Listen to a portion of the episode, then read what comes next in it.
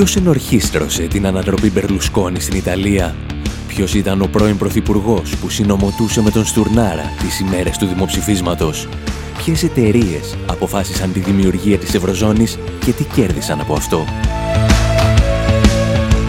Οι δημιουργοί των ντοκιμαντέρ «Χρεοκρατία», «Καταστρόικα» και «Φασισμός ΑΕ» επιστρέφουν με μια νέα παραγωγή. This is not a coup. Δεν ήταν πραξικόπημα, είναι η Ευρωπαϊκή Ένωση. Μάθε πώς μπορείς να βοηθήσεις και εσύ την ολοκλήρωση του ντοκιμαντέρ στη διεύθυνση infowarproductions.com Η διεύθυνση infopavlawar.gr Η εκπομπή Infowar με τον Άρη Χατζηστεφάνου.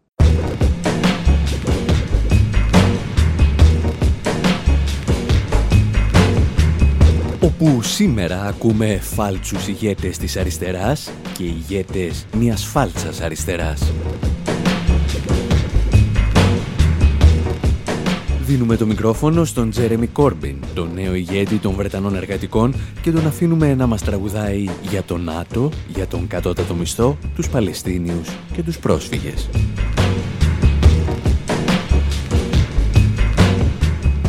Ακούμε ιστορίες για ανθρώπους που καταδικάστηκαν άδικα από το καθεστώς της Μάργαρετ Θάτσερ, αλλά και για ανθρώπους που επιχείρησαν να την τεινάξουν στον αέρα χωρίς ιδιαίτερη επιτυχία.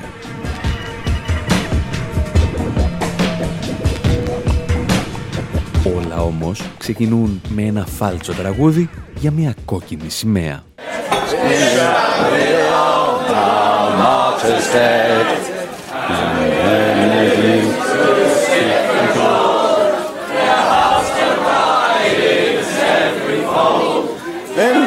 The scarlet banner high. Beneath its red we'll live or die. The and traitors sneer. Ο εξωπραγματικά φάλτσος κύριος που ακούτε είναι ο νέος ηγέτης των εργατικών στη Μεγάλη Βρετανία. Τραγουδά τον άτυπο ύμνο του κόμματός του, προκαλώντας πόνο σε όσους είχαν την ατυχία να βρίσκονται σε απόσταση μερικών δεκάδων ή εκατοντάδων μέτρων.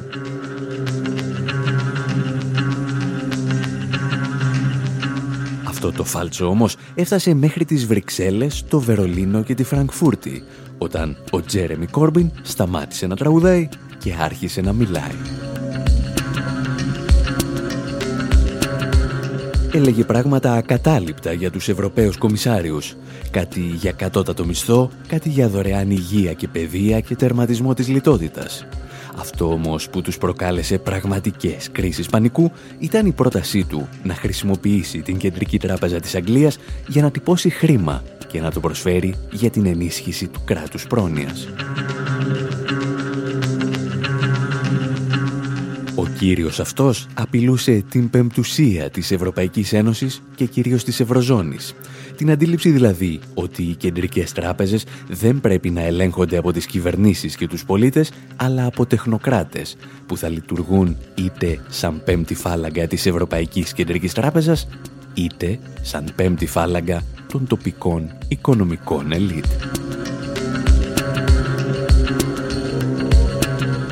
Εμάς πάλι από όλα αυτά μας ενδιαφέρει μόνο το τραγούδι που έλεγε ο Τζέρεμι Κόρμπιν γιατί μέσα από τραγούδια σκεφτήκαμε να σας διηγηθούμε τη ζωή του και μαζί την πορεία των εργατικών από τις αρχές του περασμένου αιώνα μέχρι τις ημέρες μας.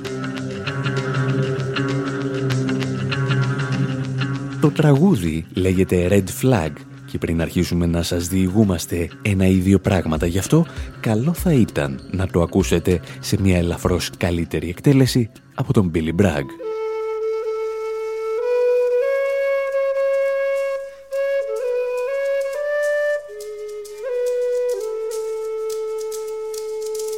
The people's flag is deepest red, it shrouded off the martyred dead. And ere the limbs grew stiff and cold, their hearts blood died in every fold. Then raised the scarlet standard high, beneath its folds we'll live and die. Though cowards flinch and traitors sneer, we'll keep the red flag flying here.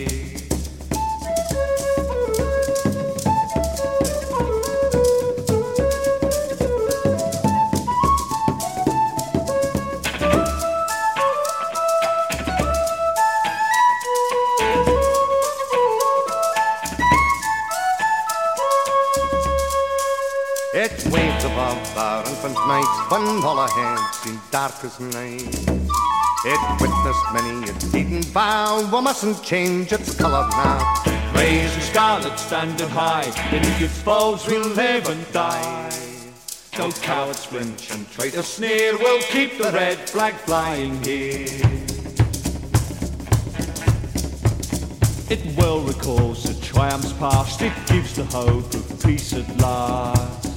The banner bright, the symbol plain of human right and human gain. Raise the scarlet standard high, beneath its foes we'll live or die.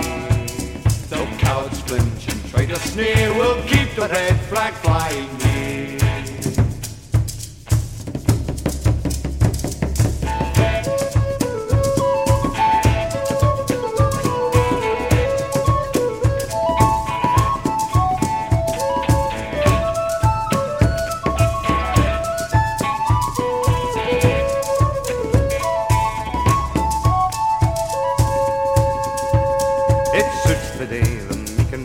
his mind's are fixed on and place. To cringe beneath the rich man's frown and haul that sacred emblem down. Raise the scarlet standard high, beneath its foes we'll live and die. Though cowards flinch and traitors sneer, we'll keep the red flag flying here. With heads uncovered, swear we all to bear it on board till we fall. Ο Μπίλι Μπραγκ, ο αμετανόητος κομμουνιστής τροβαδούρος της Μεγάλης Βρετανίας, τραγουδά τον άτυπο ύμνο του Εργατικού Κόμματος. Ένα τραγούδι γραμμένο το 1889 από τον Ιρλανδό Jim Connell.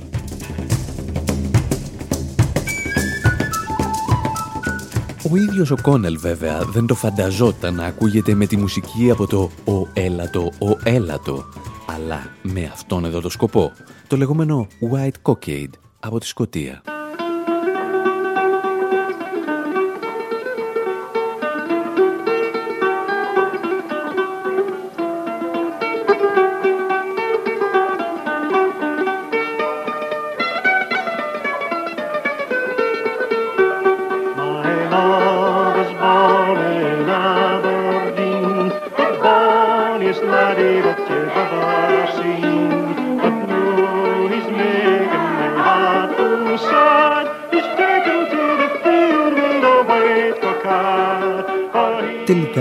Κόνελ δεν του την έκαναν τη χάρη και έτσι η κόκκινη σημαία του συνδέθηκε με ένα χριστουγεννιάτικο σκοπό. Οι στίχοι όμως δεν είχαν ποτέ τίποτα το γιορτινό.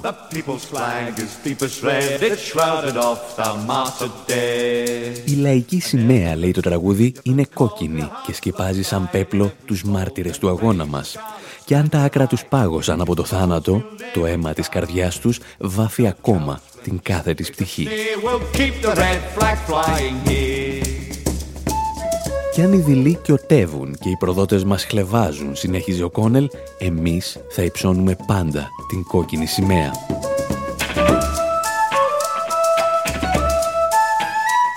Ιστορίες για αίμα και προδοσία. Περιπέτειες βγαλμένες από την παγκόσμια ιστορία της αριστεράς.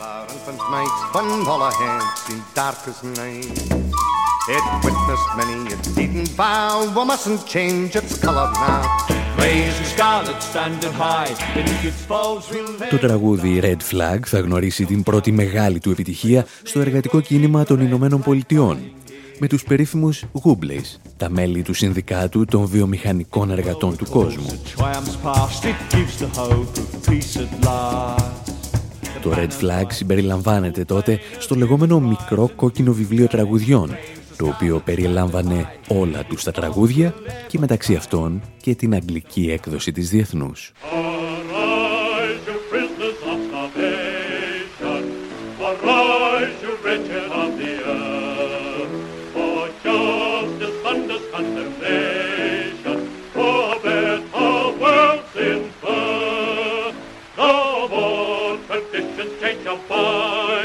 Arise, you slaves, no more enthrall. The earth shall rise on new foundations. We have been lost, we shall be all.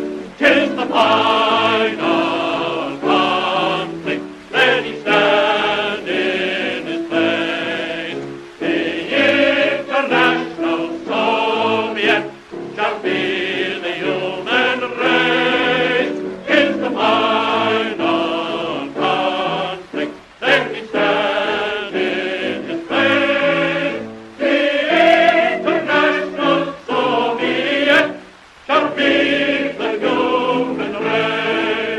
Red Flag πάντως που μας ενδιαφέρει σε αυτή την εκπομπή θα γίνει και άτυπο ύμνος του Βρετανικού Εργατικού Κόμματος.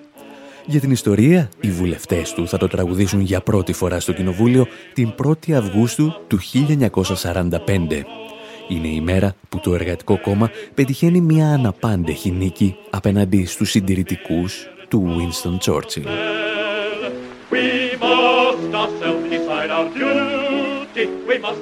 Οι εργατικοί υπό τον Κλέμεντ Άτλη είχαν υποσχεθεί πλήρη απασχόληση, δωρεάν και καθολική ιατροφαρμακευτική περίθαλψη μέσω της αύξησης της φορολογίας και ένα κράτος πρόνοιας στηριγμένο σε ένα κινσιανό πρόγραμμα.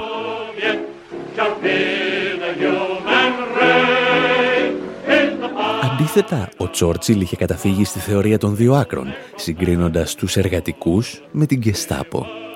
Μια προσφυλή συνήθεια αρκετών ηγετών σε περίοδους βαθιάς παρακμής.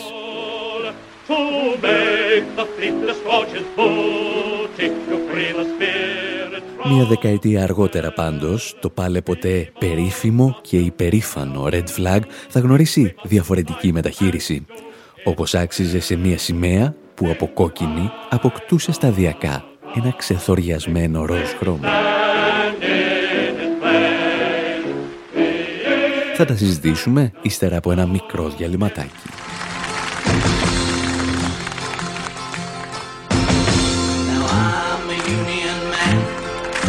amazed at what I am. I say what I think that the company stinks. Yes, I'm a union man. When we meet in the local hall, I'll be voting with them all. With a hell of a shout, it's out, brothers, out, and the rise of the factories fall. Oh, you don't get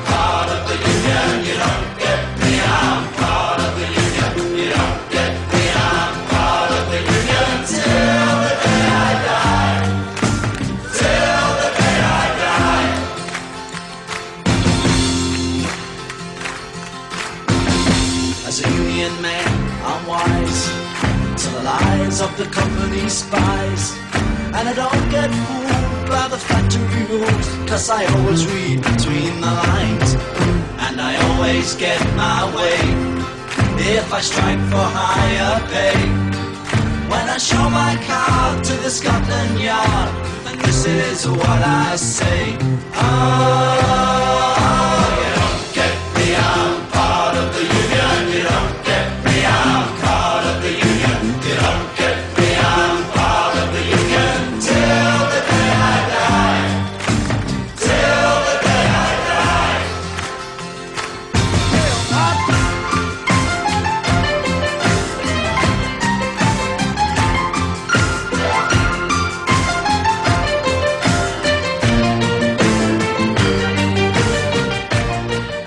εκπομπή Infowar με τον Άρη Χατζηστεφάνου συζητάμε για την ιστορία της Βρετανικής αριστεράς μέσα από ένα κομμάτι που τραγούδισε φάλτσα ο νέος ηγέτης των εργατικών, ο Τζέρεμι Κόρμπιν. Σιγομουρμουρίζουμε το περίφημο Red Flag, την κόκκινη σημαία.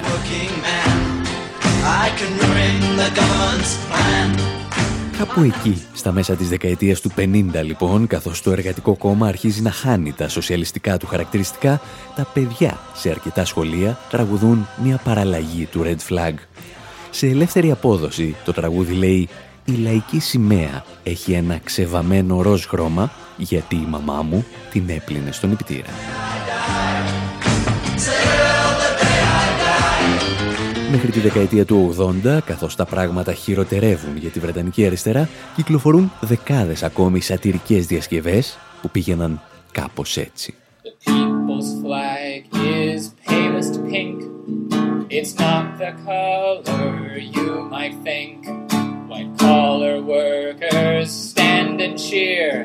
Το labor government is here. So nobody will notice it.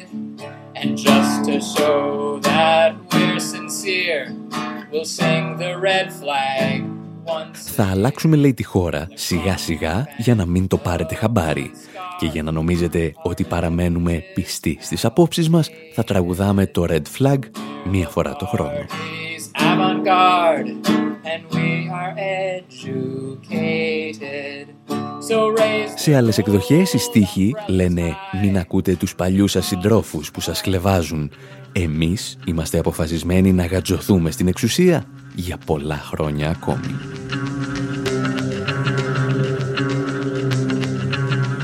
Και πράγματι, κάπως έτσι έχουν τα πράγματα για τους Βρετανούς εργατικούς.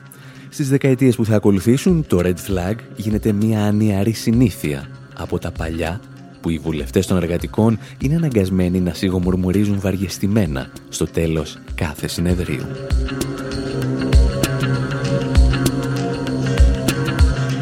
Όσο όμως παρακμάζουν οι εργατικοί και μετατρέπονται στο αντεστραμμένο είδωλο των συντηρητικών, τόσο βελτιώνονται οι σατυρικές εκδοχές του Red Flag. Για να φτάσουμε στην διασημότερη όλων. Ο Λέον Ρόσελσον τραγουδά το Battle Hymn of the New Socialist Party.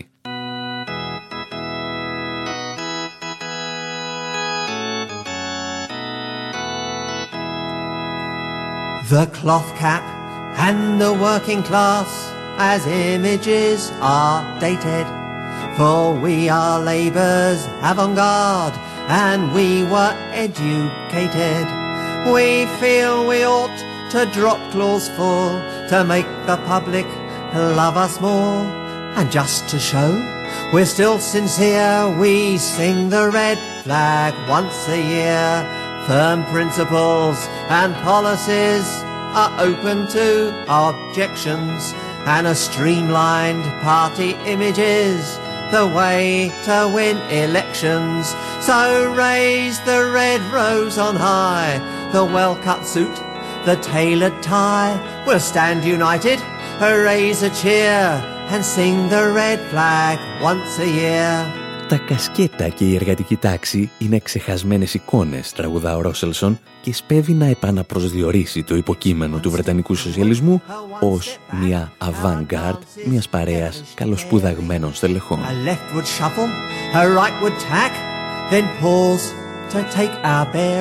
Κάνουμε, λέει, ένα βήμα μπρος και ένα βήμα πίσω. Στρίβουμε λίγο δεξιά και ύστερα το μαζεύουμε ελαφρώς αριστερά. Ψηφίστε λοιπόν εμάς και όχι αυτούς, γιατί είμαστε εξίσου πιστοί στο ΝΑΤΟ.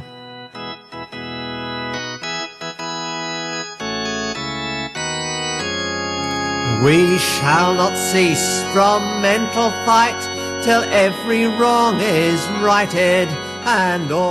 Στα χρόνια του Τόνι Μπλερ οι εργατικοί θα κάνουν τόσο απότομη στροφή προς τον νεοφιλελευθερισμό και τον υπεριαλισμό που θα έκαναν τη Θάτσερ και τον Πινοσέτ να μοιάζουν με αρχαιομαρξιστές. Το Red Flag λοιπόν ενοχλεί τον Τόνι Μπλερ, ο οποίος φροντίζει να μην ακούγεται πλέον ούτε στα συνέδρια του κόμματος.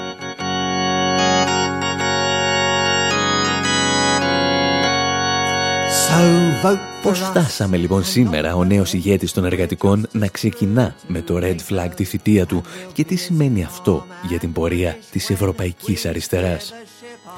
Σκεφτήκαμε ότι ο καλύτερος τρόπος να σας τα διηγηθούμε όλα αυτά είναι με τραγούδια που υποθέτουμε ότι στιγμάτισαν την πολιτική του ζωή και μαζί την πορεία της αριστεράς στη γυραιά Αλβιώνα αλλά και τη γυραιά Ήπειρο.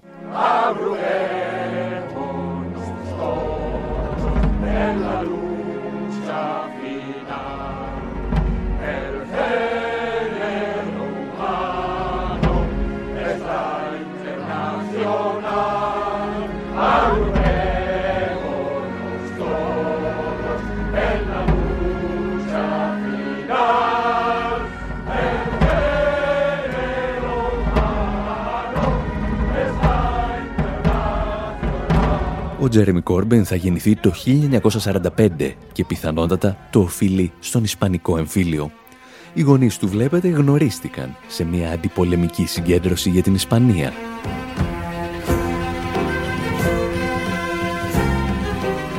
Όταν ακόμη οι Ευρωπαίοι ηγέτες υποστήριζαν τον Χίτλερ και τον Φράνκο απέναντι στους κομμουνιστές και τους αναρχικούς που μάχονταν τον φασισμό, οι γονείς του Κόρμπιν στήριζαν τις προσπάθειες των διεθνών ταξιαρχιών τις ηρωικές εκείνες φιγούρες που εγκατέλειπαν τα σπίτια τους για να πολεμήσουν τους φαλαγγίτες του Φράγκο.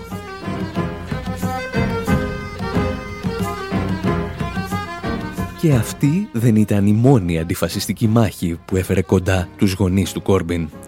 Τον Οκτώβριο του 1936, όταν ο Βρετανός φασίστας Όσβαλτ Μόσλι επιχειρεί να κατεβάσει τους δικούς του μελανοχίτονες στο Ανατολικό Λονδίνο, αποφασίζουν να αντιδράσουν.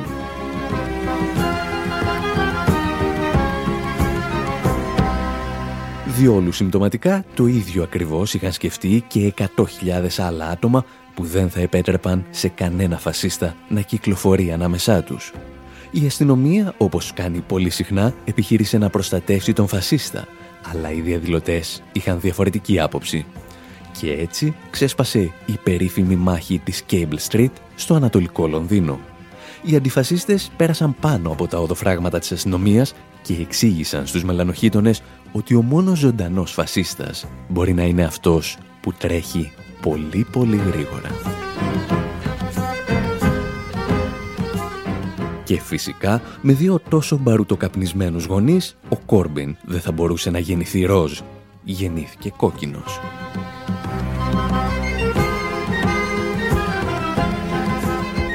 Εμείς θα συνεχίσουμε να διηγούμαστε ιστορίες από τη ζωή του και από την ιστορία της Βρετανικής αριστεράς μέσα από τραγούδια.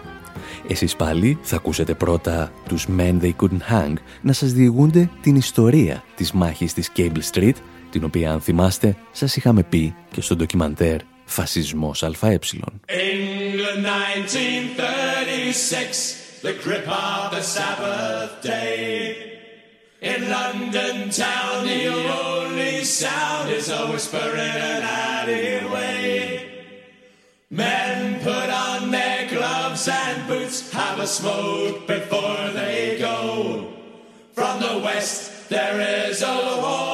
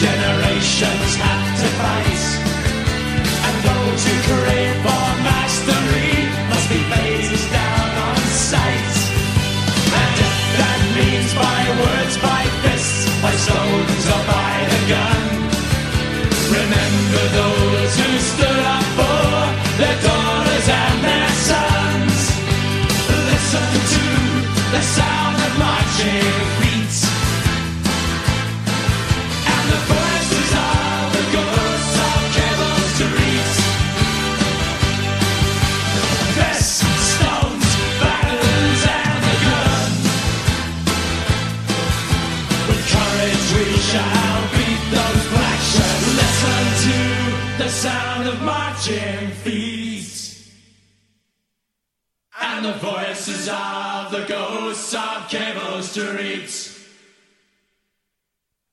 Fists, stones, battens, and the gun. With courage we shall beat those black shirts down.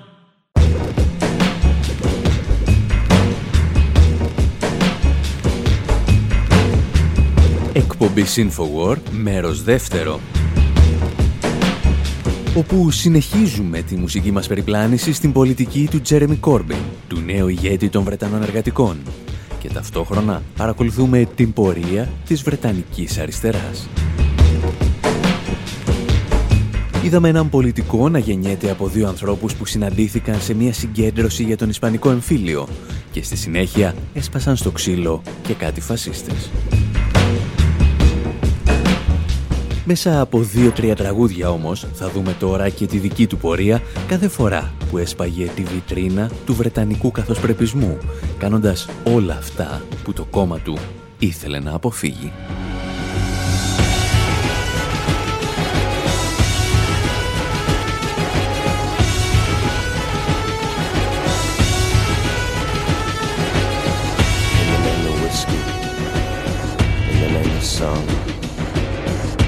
didn't look back.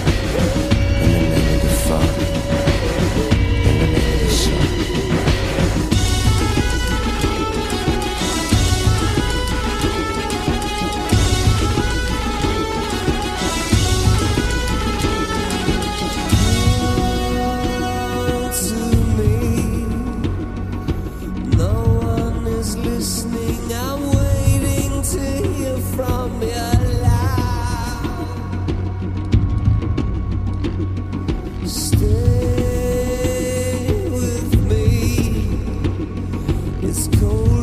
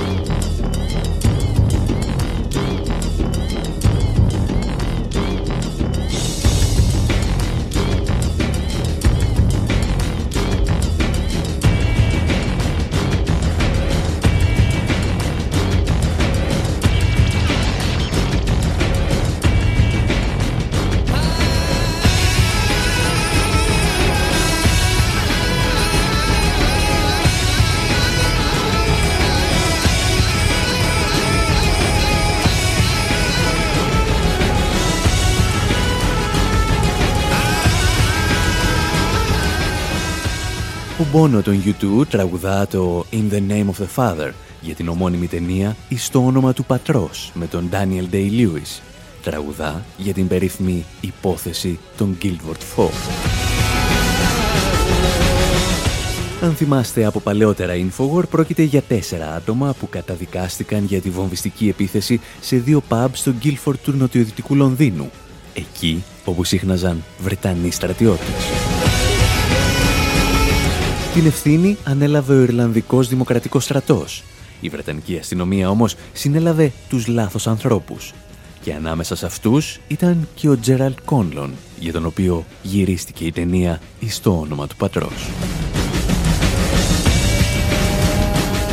Ήταν ο άνθρωπος για τον οποίο ο Μάνος Χατζηδάκης έλεγε ότι αν είχε βρεθεί στη θέση του θα έκανε την απόλυτη τρομοκρατική πράξη. Θα έβαζε φωτιά σε όλη την Αγγλία. Ο χαμένος χρόνος είναι χειρότερος και από το θάνατο. 14 χρόνια είχαν τον νεαρό Ιρλανδό Τζέραντ Κόνλον στη φυλακή για βομβιστικές ενέργειες που τελικά απεδείχθη ότι δεν έκανε. Και μια μικρή λεπτομέρεια. Απεκαλύφθη πως κάποιες ομολογίες εκμεύθηκαν δια της βίας από την αστυνομία. Επιτέλους πώς θα απαλλαγούμε από την προστασία της αστυνομίας.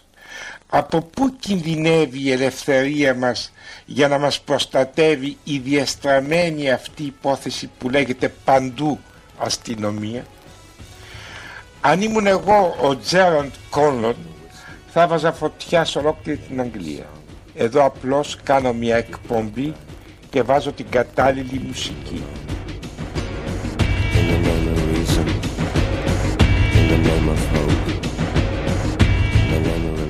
Δεν ξέρουμε αν ο Χατζηδάκης θα έβαζε τελικά φωτιά στο Λονδίνο, ξέρουμε όμως ότι ο Τζέρεμι Κόρμπιν αφιέρωσε πολλά χρόνια από τη ζωή του να υπερασπίζεται ανθρώπους σαν τον Κόνλον που είχαν καταδικαστεί άδικα.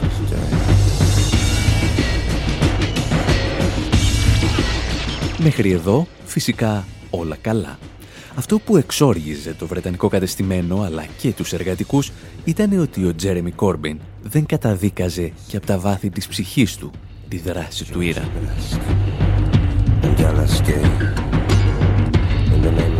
Ο ίδιος πίστευε ότι η Ιρλανδία πρέπει να επανενωθεί αφού αποχωρήσουν τα βρετανικά στρατεύματα από τη Βόρεια Ιρλανδία. Και σαν να μην έφτανε αυτό, πραγματοποίησε την απόλυτη πρόκληση απέναντι στη Μάργαρετ Θάτσερ το 1984. At 2:54 a.m. on Friday, October the 12th, 1984, the Irish Republican Army tried to Στις 2 και 54 τα ξημερώματα της Παρασκευής 12 Οκτωβρίου του 1984, ο Ήρα επιχείρησε να δολοφονήσει ολόκληρο το Υπουργικό Συμβούλιο της Βρετανίας και παραλίγο να τα καταφέρει. Μια βόμβα είχε τοποθετηθεί στο Grand Hotel του Brighton, όπου έμειναν τα ηγετικά στελέχη των συντηρητικών για ένα ετήσιο συνέδριο του κόμματος. Τέσσερα άτομα σκοτώθηκαν και πολύ περισσότερα τραυματίστηκαν σοβαρά. Ήταν η πιο καταστροφική επίθεση που πραγματοποιήθηκε ποτέ εναντίον Βρετανών πολιτών.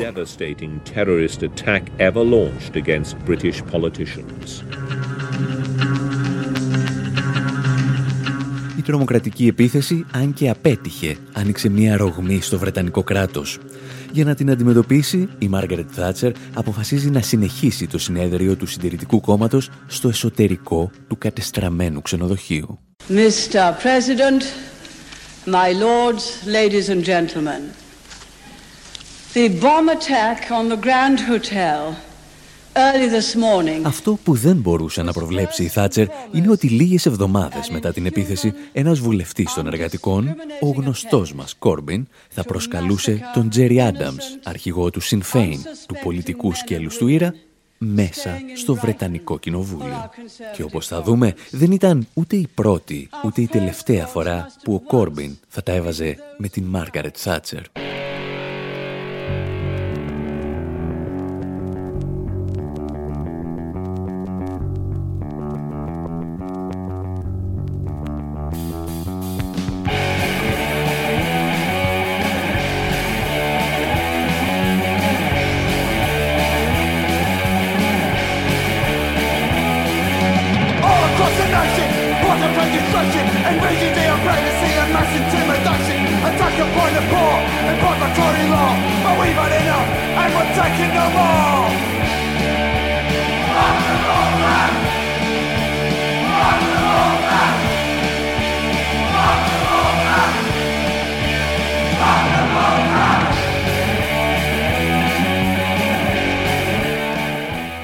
Έχουμε φτάσει αισίως το 1990 και η πανκ σκηνή της Μεγάλης Βρετανίας έχει μερικές βαριές κουβέντες να πει στην σιδηρά κυρία, όπως εδώ με το Fuck the Paul Tax.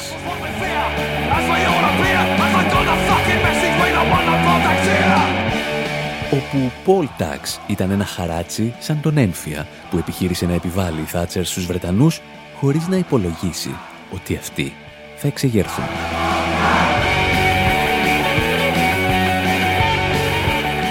31 Μαρτίου του 1990, την ημέρα που ψηφίζεται ο νέος φόρος, τουλάχιστον 250.000 άτομα συγκεντρώνονται στην πλατεία Τραφάλγκαρ και τους γύρω δρόμους. Όταν η αστυνομία προχωρά σε μαζικές προσαγωγές διαδηλωτών, ξεσπά αυτό που ορισμένοι ακόμη και σήμερα αποκαλούν η μάχη της Τραφάλγκαρ. Μας την διηγούνταν αυτή τη φορά οι Exploited.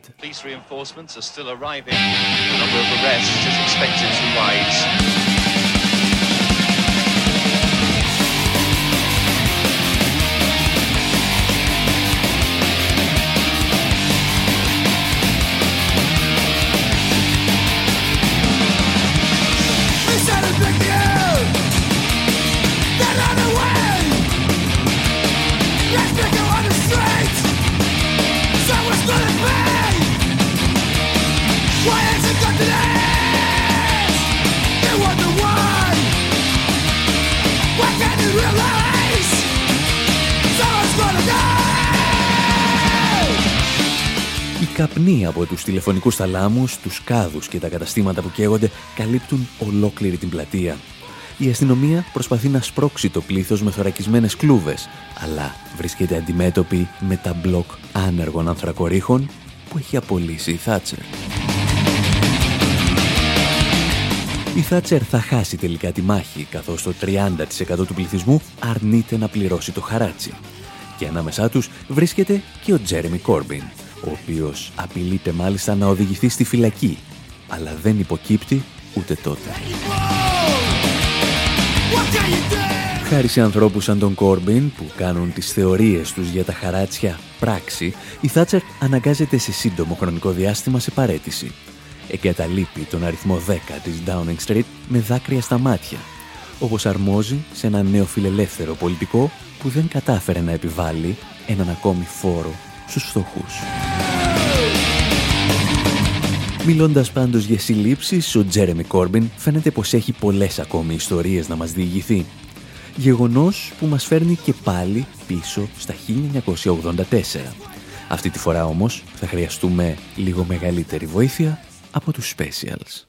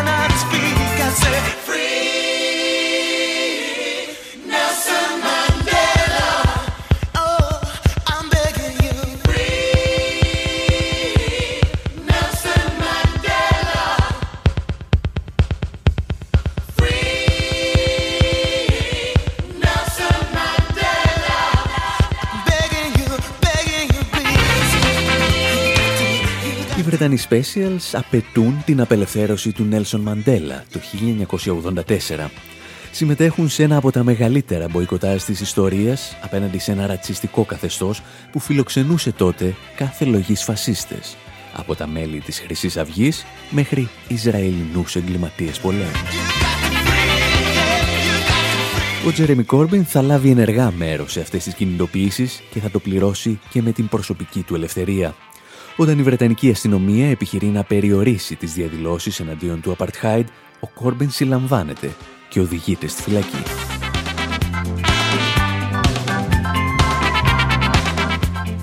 Για τον ίδιο, η στήριξη του αγώνα των μαύρων της Νότιας Αφρικής είναι η ελάχιστη προϋπόθεση για να μπορείς να ονομάζεσαι αριστερός, δημοκράτης και άνθρωπος. Και το ίδιο ακριβώς φαίνεται να πιστεύει και για την στήριξη του Παλαιστινιακού λαού. Revolution, free the oppressed, and put the real criminals under arrest. From the north to the south, south, east to the west. Put your fist up, time for protest. Free Palestine from the Zionist blitz. No war, it's a massacre, they murdering kids. Superpowers talk shit with their hands in their pockets. While Israel keep dropping prosperous rockets. But genocide, Hamas, they beat the blame, cause they fight for the freedom of their people and domain. All we see is terrorism, an excuse for the slain. So I say, motherfuck what your TV proclaim. Over a thousand murder civilians, but all that you hear is that they murder some militants. Obama don't speak, give their guns a billions. We know that your cats don't support. Από τη δεκαετία του 80, όταν η Παλαιστινιακή Ιντιφάντα φέρνει το δράμα των Παλαιστινίων στο προσκήνιο της διεθνούς σκηνής, ο Τζερέμι Κόρμπιν αφιερώνεται στη μάχη ενάντια στην Ισραηλινή κατοχή και τις μαζικές δολοφονίες αμάχων. Από το 1987 συμμετέχει στην οργάνωση Palestine Solidarity Campaign, που γίνεται ένας από τους βασικούς πυλώνες στήριξης του Παλαιστινιακού λαού στη Μεγάλη Βρετανία. Από το 2001 μάλιστα συμμετέχει και στο διεθνές μποϊκοτάζ του Ισραήλ, όπως ακριβώς συνέβαινε και με το φιλοφασιστικό καθεστώς του Απαρτχάιντ. Και φυσικά, όπως κάθε άνθρωπος που τάσεται στο πλευρό του κατακτημένου και όχι του κατακτητή, δέχεται συνεχείς επιθέσεις από το Ισραηλινό λόμπι.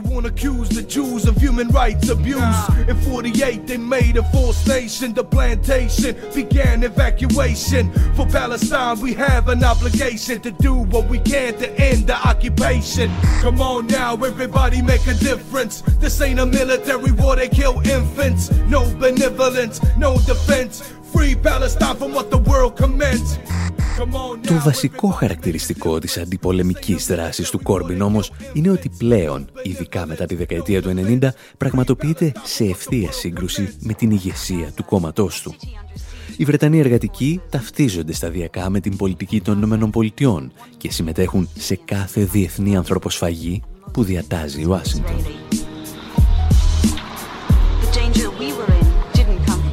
Το 2003, ο Κόρμπιν είναι ένας από τους βασικούς ανθρώπους που διοργανώνουν τη μεγαλειώδη αντιπολεμική συγκέντρωση του Λονδίνου. Μια συγκέντρωση που σύμφωνα με τους διοργανωτές έφτασε τα 2 εκατομμύρια ψυχές μαζί με τον Ταρί Καλή καταγγέλουν από τα μικρόφωνα την παράνομη επίθεση στο Ιράκ. Ό,τι θα κάνουν δηλαδή εκείνη την εποχή και ο Ιαν Μπράουν με τη Σίνεντο Κόνορ. Τους ακούμε και επιστρέφουμε.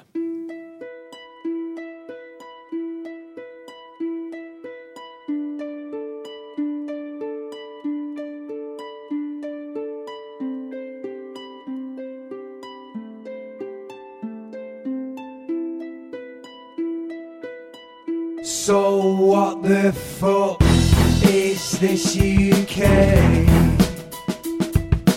Gone in with this US of A in Iraq and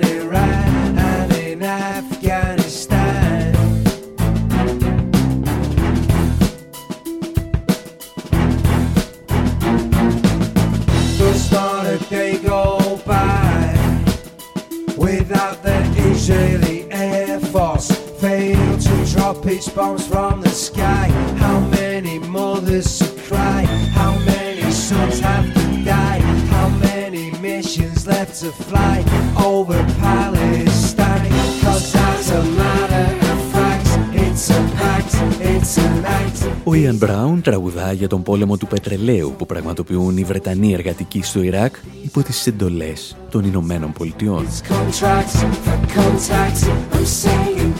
Και εμείς κάπου εδώ καλούμαστε να κάνουμε έναν απολογισμό της ζωής και του έργου του Τζέρεμι Κόρμπιν, αναζητώντας ταυτόχρονα την πολιτική του ταυτότητα. Τάχθηκε από νωρίς ενάντια σε οργανισμούς όπως το ΝΑΤΟ και καθεστώτα όπως το Απαρτχάιτ στην Νότια Αφρική. Ήταν κάθε στιγμή στο πλευρό του Παλαιστινιακού λαού, αλλά και πολιτικών κρατουμένων στο εσωτερικό της χώρας του. Αρνήθηκε να πληρώσει παράλογα και παράνομα χαράτσια, ακόμη και με την απειλή της φυλακής. Και όταν χρειάστηκε, πήγε τελικά φυλακή για να υπερασπιστεί τα ιδανικά του. Όλα αυτά τα χρόνια ζητά τερματισμό της λιτότητας και δωρεάν υγεία και παιδεία για όλους. Θέλει επανεθνικοποίηση των μέσων μεταφοράς, αλλά και των στρατηγικών επιχειρήσεων ενέργειας. Μήπως όλα αυτά τον καθιστούν τον Τσέγκεβάρα της εποχής μας; Ούτε κατά προσέγγιση. Όλα αυτά τα στοιχεία αποτελούν τις ελάχιστες προϋποθέσεις αν θέλεις να ονομάζεσαι προοδευτικός και ίσως αριστερός. Και αν χάσεις έστω και ένα, δεν δικαιούσε να χρησιμοποιείς αυτούς τους τίτλους. Το πιθανότερο μάλιστα είναι ότι δεν τους είχες κερδίσει ποτέ στη ζωή σου.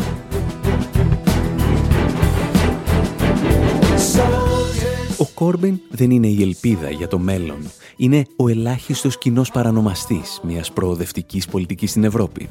Οτιδήποτε πιο συντηρητικό από αυτόν είναι απλώς πολύ πολύ δεξιό για τα γούστα μας. Κάπου εδώ όμως λέμε να σας αφήσουμε και για αυτή την εβδομάδα. Από τον Άρη Στεφάνου στο μικρόφωνο και τον Δημήτρη Σταθόπουλο στην τεχνική επιμέλεια, γεια σας και χαρά σας.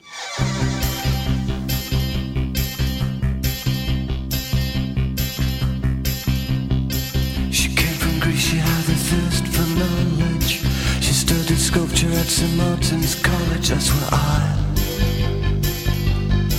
caught her eye. She told me that her dad was loaded. I said, in that case, I'll have room with Coca-Cola. She said, fine. And then in 30 seconds time, she said, I wanna live like common people. I wanna do whatever common people do. Wanna sleep with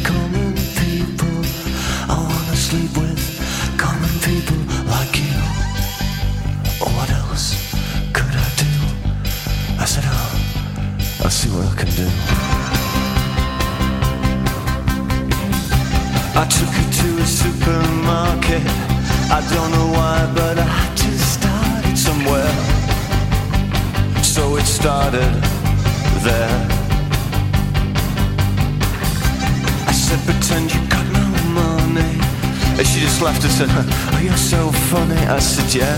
Huh. I can't see anyone else smiling. Are you sure? You wanna live like common people.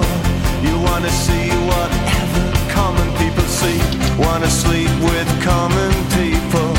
You wanna sleep with common people like me. But she didn't understand.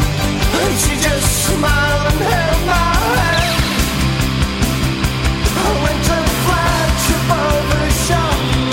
Put your hair and get it down.